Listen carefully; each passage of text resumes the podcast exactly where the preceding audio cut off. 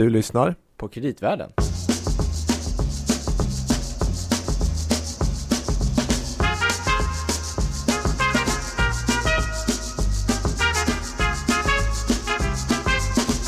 Ja du Louie, Ja du Gabriel. det är lite trumpen stämning här idag. Ja, lite småtrumpen kan man nog eh, tycka. på något vis. Ja, men du är fortfarande Louie Landeman. Och du är fortfarande Gabriel Bergin va? Ja, och ingen av oss har blivit president. Nej, vi jobbar fortfarande på Danske Bank Markets dock. Med kreditanalys. Just det. Mm. Det Ja. här spelas ju in dagen, det beror lite på hur man definierar, men dagen efter skrällen. Ja. Mm. Vi har inte riktigt landat än kanske. Nej. Nej. Det kommer väl ta ett tag. Eh, finansiella marknader, om man ser till det perspektivet, har väl både landat och sen dragit iväg på olika sätt. Och vi får se liksom på sikt vad... Det känns som att det är en generell osäkerhet men att nu är det väl lite att vänta och se vad Mm. han kan tänka sitta på den här Trump-gubben. Ja, och vad som kan hända i praktiken. Ja, vi kommer att återkomma till detta och även, vi Absolut. pratade ju med Sören om att det är massor med val som stundar i Sören, Europa. du tänker på Sören, Holmberg, Holmberg, professor precis. i statsvetenskap. Precis, gästen vi hade här i ett par avsnitt och där vi även Oj Gabriel, nu blir det roligt direkt. Mm. Vi skulle ju lotta ut ett par böcker Så är det. Eh, som eh, senaste alstret Mm. från Sören, Mm, Svenska hans- väljare. hans Magnum opus kan man Mm. säga. Mm. Mm, ett av dem. Ja, just det. Då. Mm. Just det. Ja, ja. Ja. Mm.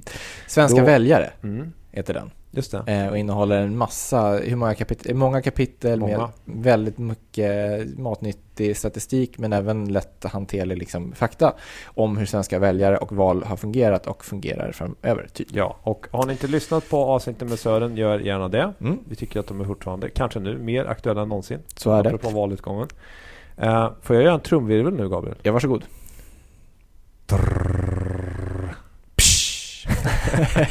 Vi presenterar vinnarna av böckerna. Och då är det två stycken som har delat länk till avsnittet eh, eh, med Sören. Mm. Eh, och det är Kalle Kärlund och Gustav Lindskog.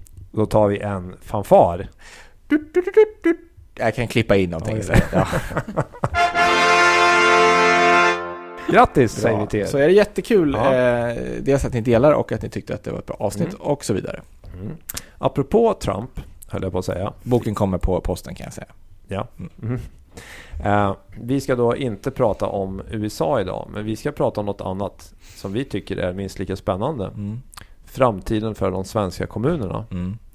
Ehm, Vi har delvis berört det här ämnet förut. Eh, Ja. Så det kan vi passa på att tipsa om. Att om man Stämmer. lyssnar på det här inser att man tycker att det är väldigt spännande med Mm. kommuner och landstings Ja. utmaningar och situation. Mm. Så kan man också gå tillbaka och lyssna på dem om Just man vill det. fördjupa sig. Precis.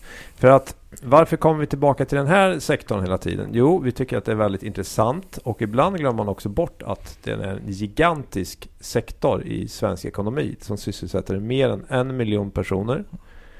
Och ehm, ja, det är ungefär 25 procent av den arbetande befolkningen i Sverige tror jag som Mm. jobbar inom kommunsektorn. Bland annat. Sen har vi ju det här med skuldfrågan också Mm. som vi inte heller pratar så mycket om. Eh, Kommuners skulder.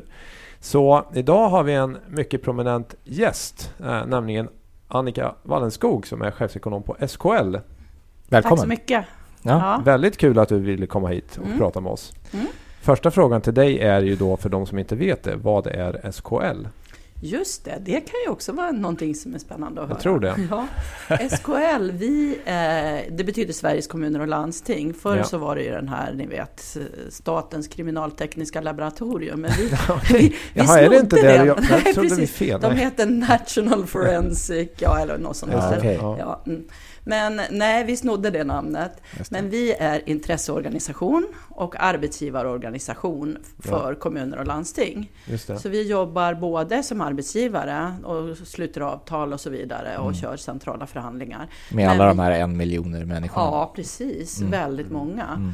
Och sen så jobbar vi med intressebevakning. Vi företräder kommunerna och landstingen i Ja. diskussioner med staten och så vidare. Men sen Just har vi det. väldigt mycket service till kommunerna och landstingen också. Och sen är det så att du som chefsekonom är ansvarig för den här, bland annat den här rapporten som ni kallar för ekonomirapporten, eller hur? Ja, det är jag. Ni kan lotta ut den sen också. Det skulle vi ju kunna göra faktiskt. Man kan också gå in och ladda ner den själv faktiskt, kan vi ju Ja. tipsa om. Den Helt är gratis. ju, eh, innehåller otroligt mycket Mm. bra information om svenska kommuner och även landsting, ska vi säga. Det glömmer man Mm. bort ibland, landstingen. Mm. De är också ganska viktiga. Mm, det är de. Mm. Men eh, om vi innan vi kommer in direkt på kommunernas utmaningar och den aspekten. Det här med Trump. Eh, finns det några kommunala aspekter på Trump-vinsten tror du? Ja, de kommunala aspekterna är ju lite grann beroende på vad som händer med exporten och mm. vad som händer med räntan och växelkursen och så vidare. Där mm. kommuner och landsting är väldigt beroende av det. Men det som jag tycker är nästan det som är lite mest obehagligt, mm. det är ju det här med, med demokratiaspekten. Ja. Där vi kan se en polarisering, inte så mycket i Sverige, men, men det kommer ju till Sverige också, mm. mellan folk som har fått det bättre och folk som inte har fått det bättre. Mm. Och det är klart att om man då inte har förtroende för kommuner och landsting till exempel, eller myndigheter, då ja. riskerar man ju att folk inte är lika benägna att vilja betala skatt. Just det. Så det är väl den farhåga och, man kan utmåla. Och där kommer vi kanske egentligen direkt in på det här som vi faktiskt hade tänkt prata om. För att kommun och landstingssektorn står ju inför en del ganska stora utmaningar. Mm. Och då kan man väl ändå tänka sig att det blir en hårdnande kamp om knappa resurser mellan olika grupper, kan man säga så? Ja, precis. Och där har vi också en Trump-effekt om mm. vi vill uttrycka det så. Det handlar ju om det här med försvaret. Mm. Att det kan ju finnas risk att, att man måste bygga upp det svenska försvaret och då ett, ett skäl till att eh, offentliga sektorns andel av BNP inte är lika hög nu som den var för ett antal år sedan, det är ju bland annat att vi har dragit ner på svenska dragit försvaret. Ner på det. Ja. Så att, och om staten då ska prioritera mellan mm. kommunerna och landstingen eller försvaret så finns det ju mm. risk att, att det är försvaret som går i första hand. Men, men, men om vi, en enkel fråga. Mm. Behöver kommun och landstingssektorn mer pengar till exempel från staten? Ja, det gör man ju. Det låter ju jättetråkigt. Här sitter jag liksom som opinionsbildare och intressebevakare. Det var konstigt om du sa tvärtom. Ja, precis. Men, och det handlar ju egentligen om hur, hur befolkningens utveckling ser ut, eller demografin som, mm. som vi så fint kallar det. Eh, och vi ser att vi går in mot en demografi där andelen yrkesverksam ålder minskar relativt barn och unga och även gamla. Mm. Och då har vi, det kommer ju att påverka två saker. Dels så kommer det att påverka att det är färre personer i relation som, som betalar skatt.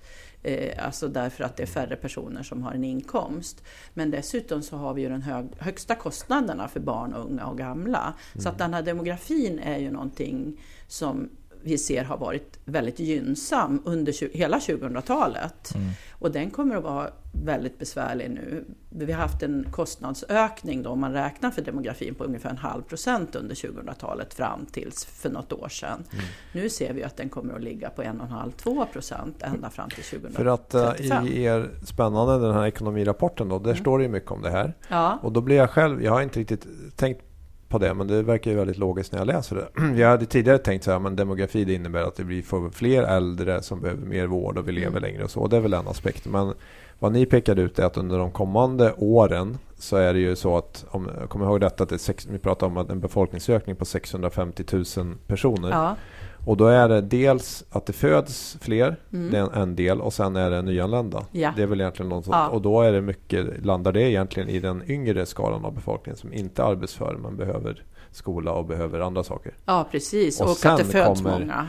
Och sen efter 2020, då kommer de här äldre Ja, då ja. kommer den stora ökningen precis. komma på detta. Ja, så det blir precis. två utmaningar men lite efter varandra. Ja, precis. Nu är det först barn och unga utmaningen som ökar med en kvarts miljon och samtidigt som totalbefolkningen ökar med 650 Så av 000. de 650 så är det, är det två tredjedelar ungefär då ja. som är nyanlända. Eh, och eller? Och barn, alltså det för, i och med att det föds så pass många barn också. Ja, okej. Okay. Ja. Alltså den ålderskategorin står Ålderskategorin 0 till 18. Just det. Eh, och vilka, mm. för annars när man pratat om den stora utmaningen med de äldre som väl har varit ett samtalsämne mm. under lång tid. Eh, är, vilka är dyrast för kommun och landstingssektorn om man tänker de äldre eller barn och unga? Ja, vi har ju de över 85. De är ju dyra i snitt om man säger. Det är ju för ett kast att prata om det. Precis, ja det låter jättehemskt. Men alltså, då, men, då innebär det att de bor antingen på äldreboende eller att de får mycket vård hemma. Ja, liksom. mm. Precis, eller på, på sjukhus. Alltså ja, man blir sjuk också. också. Ja, men mm. sen den näst dyraste, eller den egentligen dyraste gruppen enskilt, det är ju när man föds. Mm. Då är det ju, alla ska ju på, via förlossningen så att säga. Så att, Det är Och sen har vi egentligen föräldrarna där. som står för den kostnaden. Eller Ja, det kan borde man stå säga. på den kostnaden. Men det drabbar barnet. Ja, och på sikt är det ju jättebra därför att det innebär ju att försörjningskvoten inte kommer att, bli lika hög framöver. Men det är klart att det är några år nu som det kommer att kosta det här att vi har en snabbt ökande befolkning av barn och unga. Mm. Just det. Så det är då den ena utmaningen. Att då Mm. blir det mycket kostnader med det. Men Mm. sen förstår jag en annan sak som drabbar er, eller sektorn lite grann. Det är det här med att man, har, man kan ha arbetskraftsbrist också. Precis. Det Vi kan man i och för sig tycka att borde man ha den när det ändå är relativt hög arbetslöshet eller? Ja, dilemmat är ju att vi har arbetskraftsbrist inom vissa yrken. Vi Mm. har en arbetslöshet som är ganska hög hos utrikesfödda. Den är egentligen på jämviktsarbetslöshet som vi säger, eller vi räknar ju till och med med att vi går in i en överhettning. Eh, men sen har vi ju, det finns ju vissa Alltså folk bor inte på riktigt samma ställen där jobben finns. Men det. sen har vi vissa yrkeskategorier, speciellt inom kommuner och landsting, där vi har stor brist. Mm. Och det tar lång tid att utbilda sig till sjuksköterska, socialsekreterare, läkare och så vidare. Och sen kan det då vara att, om du tänker det här mycket landstingen har väl drabbats av att man får väldigt höga kostnader eh, för hyrpersonal till exempel. Mm. Och speciellt vissa landsting väl. Ja, Och då antar jag att man kan hamna i en sorts ond cirkel här. Att man, precis. man har liksom en hög omsättning och så måste man ta in tillfällig personal och så blir det väldigt Och så får man inte någon kontinuitet, vilket gör också att det är Mm. svårt att effektivisera verksamheten. Går det, går det liksom komma till rätta med de här problemen? Ja, det här är ju någonting som landstingen jobbar med kontinuerligt. Vi samlar ju in uppgifter varje månad hur mycket kostnader man har haft i hyrläkare och de har ju som mål alla landsting att få ner den här kostnaden. Men det bygger ju på att man måste få tag på ordinarie läkare. Mm. Men det, det är inget landsting, alltså det verkar som alla har sämre ekonomi eller? Stort sett, eller finns det något som har? Ja, det finns ju några landsting som har hyfsad ekonomi, det ska jag säga. Vi har ju, om vi tittar nu i år så är det tre eller fyra landsting, inklusive Gotland, som räknar med att få ett underskott i år. Mm. Tre Föds det räknar... väldigt mycket barn i de här landstingen? Nej, det är egentligen inte det det beror på just Nej. nu, liksom, utan det är nog mer att man har eh, kostnaderna har ökat så snabbt. Man har Mm. inte lyckats hejda kostnadsökningen. Okej. Så att det är nog det, Det, som men gör eh, jag tänker det är väl också ett generellt, alltså man får mer och mer teknikkostnader så att säga. För att du kan, du blir vård, du kan göra mer vård. Mm, Men mm. det kräver mer och mer utrustning Ja, som är väldigt dyr. Precis, men det är Eh, egentligen eh, personalkostnaderna som är den stora kostnaden. Ja, och det är där det har ökat väldigt mycket också, inom slutensjukvården i första Mm. hand. Så att, Men om man tänker i och för sig ett ett större perspektiv så är det väl så att du kan tack vare tekniken gör, alltså du kan hålla folk vid liv mycket längre. ja, Och då blir det ju en högre totalkostnad per person under en livstid. Liksom. precis. Ju fler saker vi kan göra Mm. så måste vi också göra det i landstingen. Och det innebär ju att det finns ju en del som håller tillbaka kostnadsökningen och det är ju den här nya tekniken. Mm. Men den här delen som gör att kostnaderna ökar på grund av den, den är större. Mm. Bara för att man kan göra mycket mer. Mm, Och mm. längre upp i åldrarna också. Förr i Mm. världen så gjorde man inte starroperationer och Ja, höftledsoperationer just på det. 90-åringar. Nej, Det är ju precis. självklart idag. Ja, Plus att ju längre vi lever desto mer sjukdomar hinner vi utveckla också. Och lyckas behandla. Idag när man får cancer, de, väldigt stor andel av de som får cancer överlever ju faktiskt Mm. idag. Eh, men vi, vi får ju en ökad kostnad för det också. Just det. Mm. Hjärtinfarkt till exempel. Det har ju, dödligheten i hjärtinfarkt har ju gått ner hur mycket som helst. Mm. Men där känns det som att ja, då kanske man måste höja landstingsskatten i, Ja, det har flera ju- omgångar. Ja, precis. Det har man ju liksom gjort de senaste att Det kommer åren. aldrig sluta någonstans ju. Nej, det där är ju ett dilemma. Hur ska Mm. man göra? Man har ju höjt landstingsskatten egentligen med 10 öre i snitt de senaste åren i, i genomsnitt i Sverige. Mm. Och vi ser ju att nu, var det ett, nu är det ett landsting som säger att de ska höja till nästa år. Mm. Men, det är klart att det där är jättesvårt. Men jag jobbar ju på, jag jobbar som ekonomichef på ett lasarett på 90-talet. Ja. Och då hade vi ju finans, stor finanskris i Sverige under 90-talet.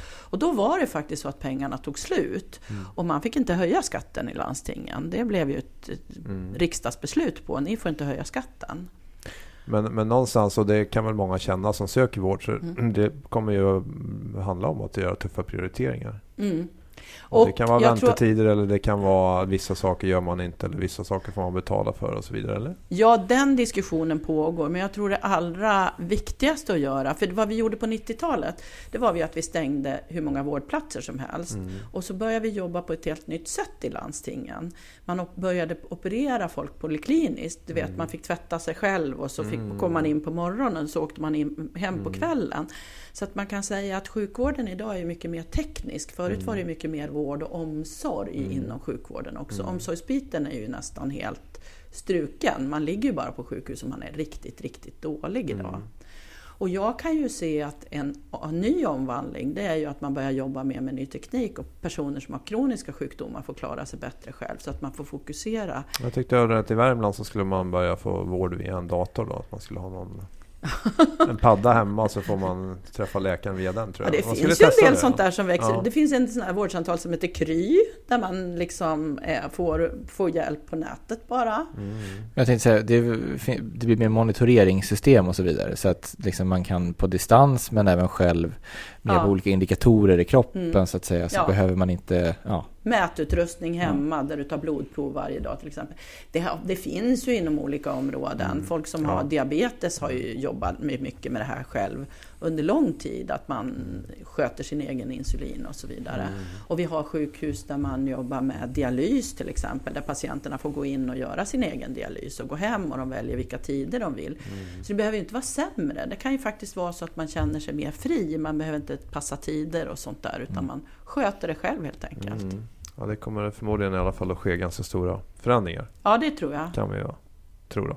Mm. Men en annan sak som jag tänkte apropå, för ni, gör, ni försöker jobba och göra långtidsprognoser och titta, uh, men jag förstår att det är ganska svårt, speciellt om man tar uh, asylsökande och så som kommer och dels hamnar de i någon kommun till att börja med. Mm. Och då förstår jag att det finns något som ni kallar för vad heter det, bosättningslagen. Mm. Att kommunen är skyldig på sikt att mm. erbjuda bostad i den här kommunen. Mm. Mm. Men samtidigt har väl den här personen, om man får uppehållstillstånd, har man väl i stort sett rätt att välja sen var i Sverige man ska ja, bo, eller hur? man får flytta var man vill. Så det här antar jag kan slå enormt mycket, om man nu, för nu har vi pratat om alla kommuner, men egentligen är det väldigt stor skillnad. Vi har de som är växande, de som är krympande.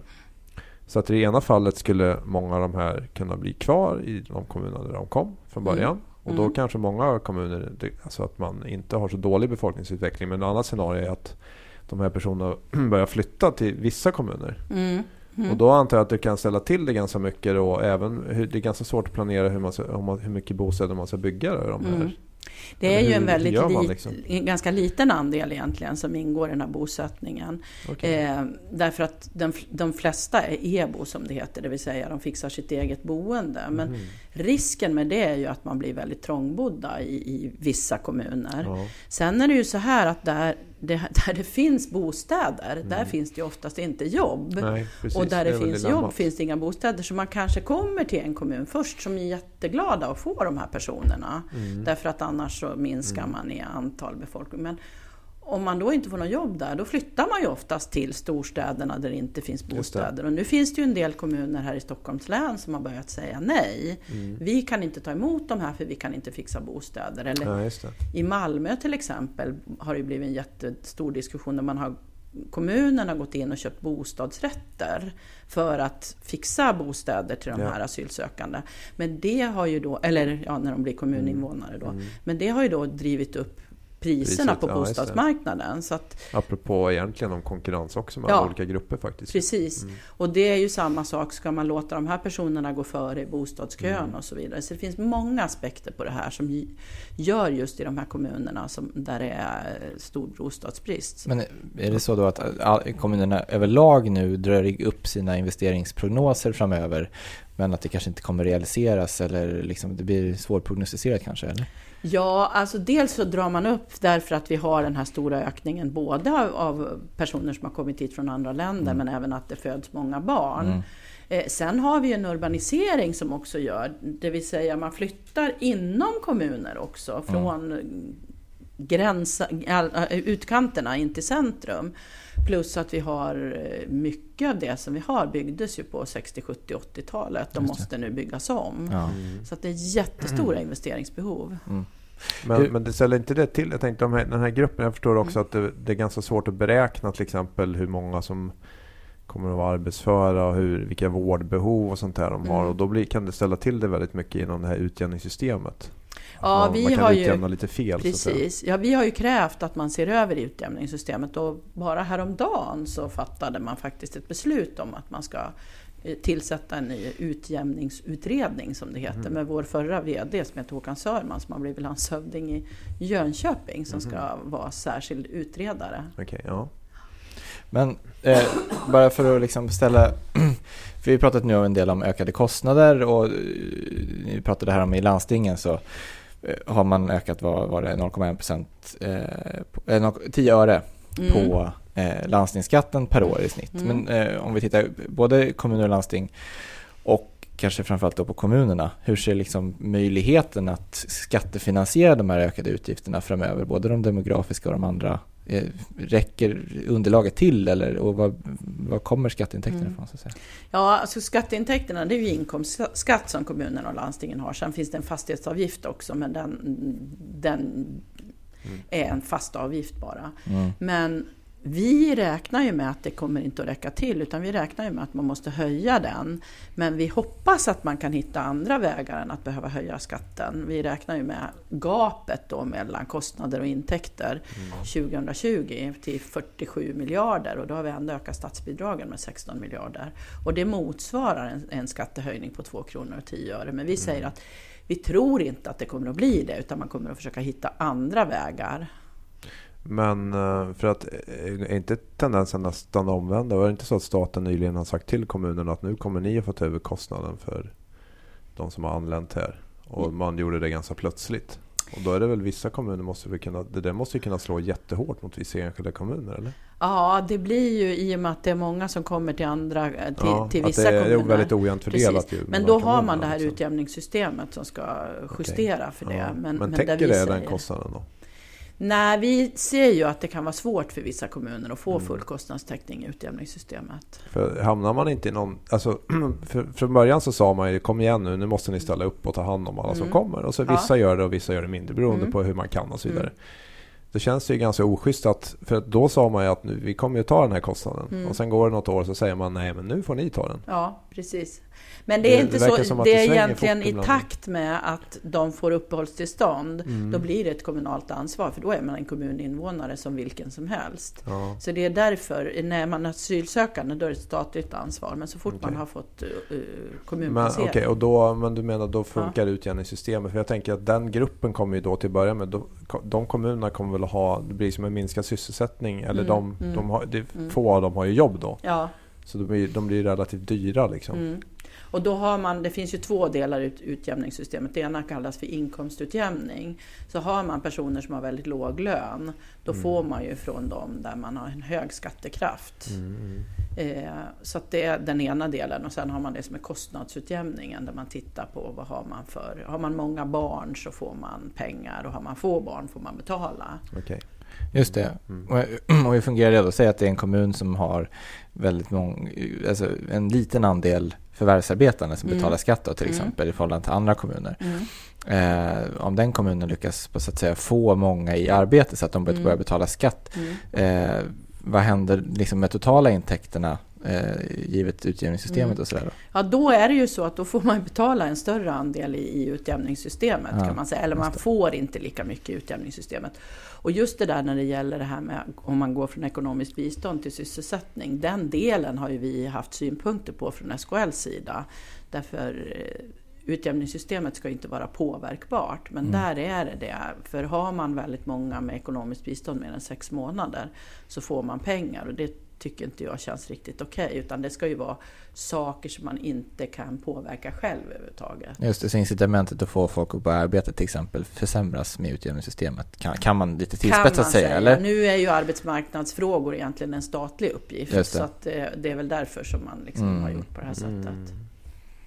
Men okej, då, då kan vi konstatera att vi har en generellt ganska utmanande situation och vi har ja, utgiftsökningar och Mm. vi kanske måste eh, möta dem med skatteintäkter. Mm. Sen på det då så är det här investeringsbehovet Mm. som man lånar mer. Mm. Och jag, Mm. det, vi konstaterade, det kom ju någon rapport från Kommuninvest att man pratar om att kommunerna, det var väl förra året att man ökade sin upplåning med ungefär 50 miljarder va? Ja, precis. Så grova drag lite drygt 500 till 550 Jajamän. miljarder och Mm. det finns risk, eller hur man ska se att det här kommer att öka, man kommer fortsätta öka upplåningen på grund av att man måste investera mycket även Mm. Kommande år. Ja, de räknar ju med att den är 1000 miljarder år 2024. Oj oj oj. En Det- biljon ja, heter det-. Ja, Det är nästan svårt att förhålla sig till de, ja. de siffrorna. Mm. Men, eh, och det är ju någonting, det har vi i och för sig talat om eh, tidigare också. Men då tänker jag så att om man är en växande kommun Mm. Då kanske det är så att man kan klara av de här investeringarna för man, har, man får en befolkning och det är Mm. kanske yngre och de kommer att jobba. Det blir Mm. skatteintäkter.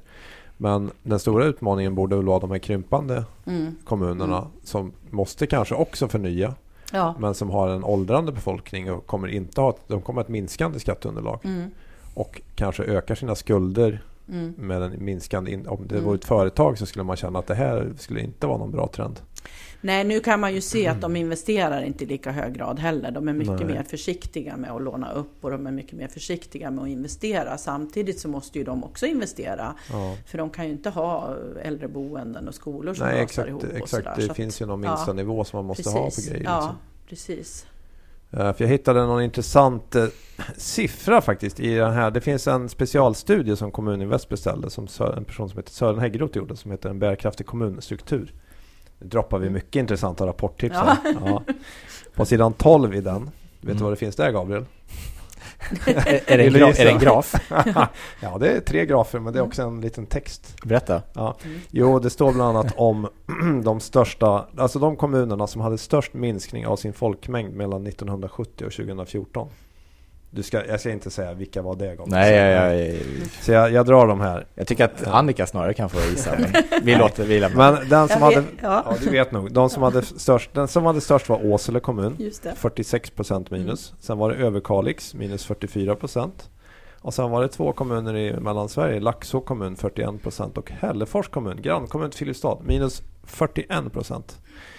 Det är ju, jag menar det är ganska stor, nu kanske de i och för sig, att det har sett lite bättre ut då på grund av, nu vet jag inte om de hade tagit emot flyktingar och så möjligtvis. Men annars, den här trenden kommer väl förmodligen att fortsätta. Mm, Laxå kan man säga, de tog emot många flyktingar under Ja, just 90-talet. det, de har ju varit Och ett- en-. Orsak är ju att de har tappat eh, många av dem. Mm.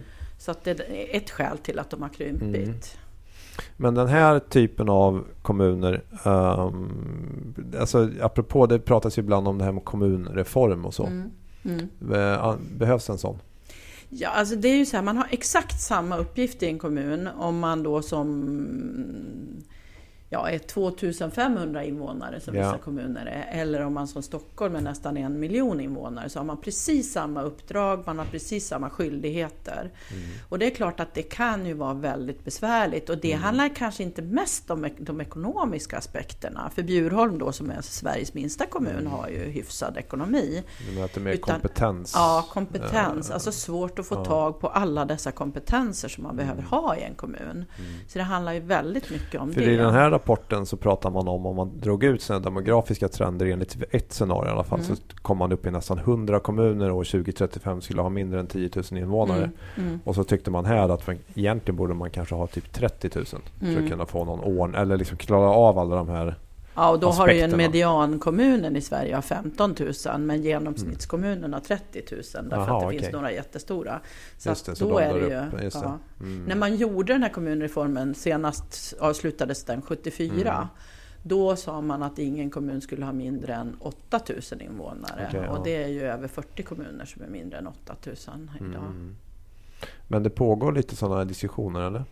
Ja, jag tror att man kommer att tillsätta någon statlig utredning någon gång i vår där man ska Mm. se över. Och då säger man inte kommunsammanslagning absolut, utan man kan ju tänka sig att man har lite olika uppgifter beroende på hur stor kommun man har. Eller, Mm. eller att man kan lägga över en del uppgifter på regionerna och så vidare. Så att man kan ju se det på många olika sätt. Som i och för sig också kanske ska bli större Ja, i snitt. Precis. Mm. Ja, för Då- det är väl den som står mest nära nu att man Ja. pratar om regionreformen, Ja, eller hur? Att Mm. man ska ha landsting, de 21 landstingen Ja. ska bli sex regioner. Mm. Kommer det att hända?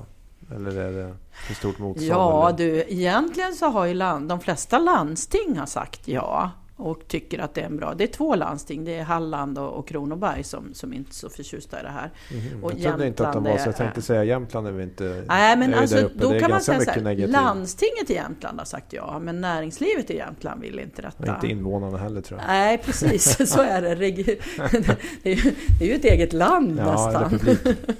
Men, men de flesta landsting har sagt ja. Landshövdingarna är inte heller så förtjusta i det här kan jag säga. För att man Nej. sänker ju sig samma statlig indelning då som man har som... De som kanske blir av med sina de här Ja, residensbostäderna. precis. det vore ju en skandal. Ja, kan ju ha flyktingbostäder i de som blir över. Det vore ju en utmärkt idé. Mm. Det kanske man inte får säga. Nej, oj då. Oj då. Ja. Spännande. Mm. Vi hittar på spännande reformer här i Ja, kreditvärlden. Ja, precis. precis. Direkt. Men, Ja. eh, men eh, okej, men generellt, vad är det någonting som ni då anser från ert håll behöver göras för att liksom, kommer kommunerna klara alla de här utmaningarna eller?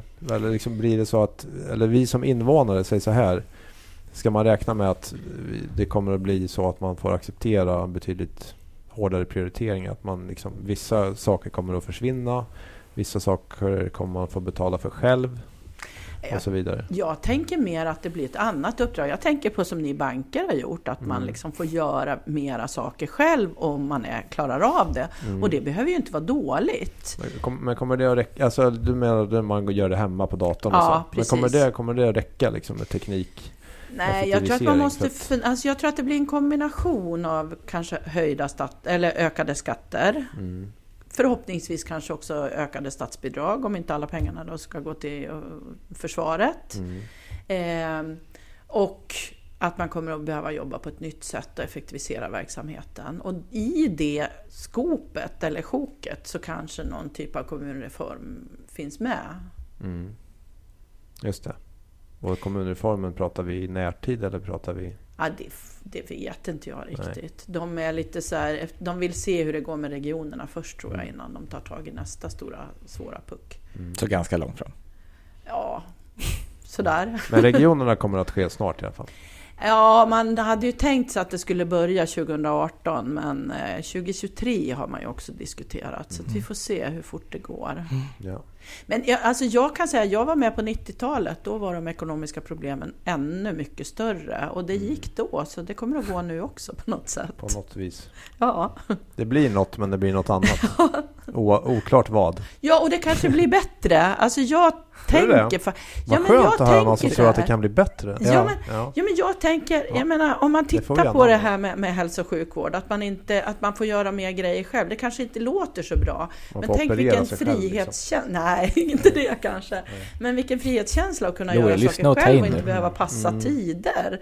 Det är ju så med bankerna liksom, Mm. att jag kan sitta hemma och sköta alla mina bankärenden. Mm. Det är ju jätteskönt. Mm. Tänk om du kan sköta alla dina kommunärenden hemma Men vissa också. vill ju ha en bankanställd som man kan få träffa och prata med också. Ja, så men vissa vill nog ha någon i så är vården det- som de kan få prata Precis med så också, är det med liksom. kommunerna också liksom, och Mm. landstingen. Att, att en del kommer ju att vilja ha det ändå och då ska ju de kunna få det. Mm. Mm. Men en del tycker att det är jätteskönt, jag slipper liksom, jag kan göra det på väg till Mm. jobbet från tunnelbanan. Ja. Louis, sluta säga emot nu. Jag tycker Nej, att det jag, låter tänkte, jättebra. jag, jag tänkte precis säga det, att vi kanske ska sluta det här avsnittet på en lite optimistisk Ja. eh, tongång för en gångs skull och inte deppa ihop så mycket. jag tror att det låter som en bra idé. Ja. Mm. Men eh, otroligt stort tack Annika. Tack så Ja. mycket. Ja. Och vi har säkert anledning att återkomma framöver kring detta som vi tycker underanalyserade och undertäckta ämne. Mm. Ja, tack så Det mycket. är ungefär som kreditmarknaden i stort. Mm. Vi måste prata mer om det. Mm. Vi gillar underdogs. Ja, Mm. helt klart. Mm. Ja. Så är det. Mm, all fokus är kring vissa frågor och alla Ja. springer på samma Ja, boll. så är det. Precis. Ja. Eh, nästa gång Mm. får vi se vilken boll vi springer på då, Louis. Någon, en annan. En annan boll. Det blir En annorlunda. annan men i vissa meningar relaterad bond. Ja. Eller bond. Ja. Bond. Kanske bättre eller sämre. Ja. Det vet man inte. se. Men annorlunda blir det. Ja. Ja. Det är det enda vi vet i den här världen. ja, Tack Louis. tack. Vi hörs Och igen. Tack Annika. ja, tack. Hej hej. Hej. Hej.